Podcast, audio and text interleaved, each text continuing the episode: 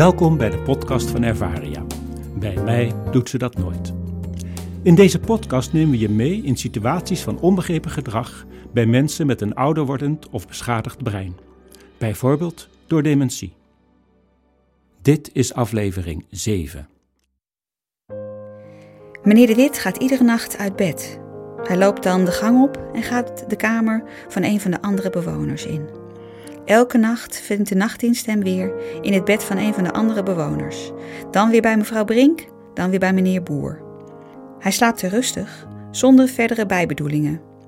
Het is alleen niet eenvoudig om hem op dat moment weer naar zijn eigen slaapkamer terug te begeleiden. Wat te doen? In het team wordt hier heel verschillend tegen aangekeken. Een van de medewerkers stelt voor om met de zoon en de vrouw van meneer De Wit in gesprek te gaan. Het is een delicaat onderwerp, maar ze besluiten met elkaar de feiten gewoon voor te leggen in de hoop dat ze een aanwijzing kunnen vinden waarmee ze verder kunnen. Mevrouw De Wit en Rijn geven die aanwijzing al snel. Mevrouw De Wit vertelt: Mijn man komt uit een gezin van veertien kinderen. In zijn jonge jaren hadden ze het niet breed en hij sliep altijd met zijn broers en zussen in bed. Bovendien is hij uit huis getrouwd en zijn hele verdere leven hebben wij samen het bed gedeeld. Rijn vervolgt: Mijn vader weet dus niet anders dan dat er altijd iemand naast hem ligt. Hij slaapt nu voor het eerst van zijn leven alleen in bed. Ik denk dat hij iets mist. Misschien is het de warmte, misschien is het het vertrouwde geluid van een ademhaling. En met deze toelichting viel voor het team alles op zijn plaats. In overleg gaat Rijn met familieleden van andere bewoners in contact en hij legt de situatie uit. Vrijwel alle familieleden reageren begripvol. Als mijn naaste het geen probleem vindt, laat je vader dan maar lekker liggen.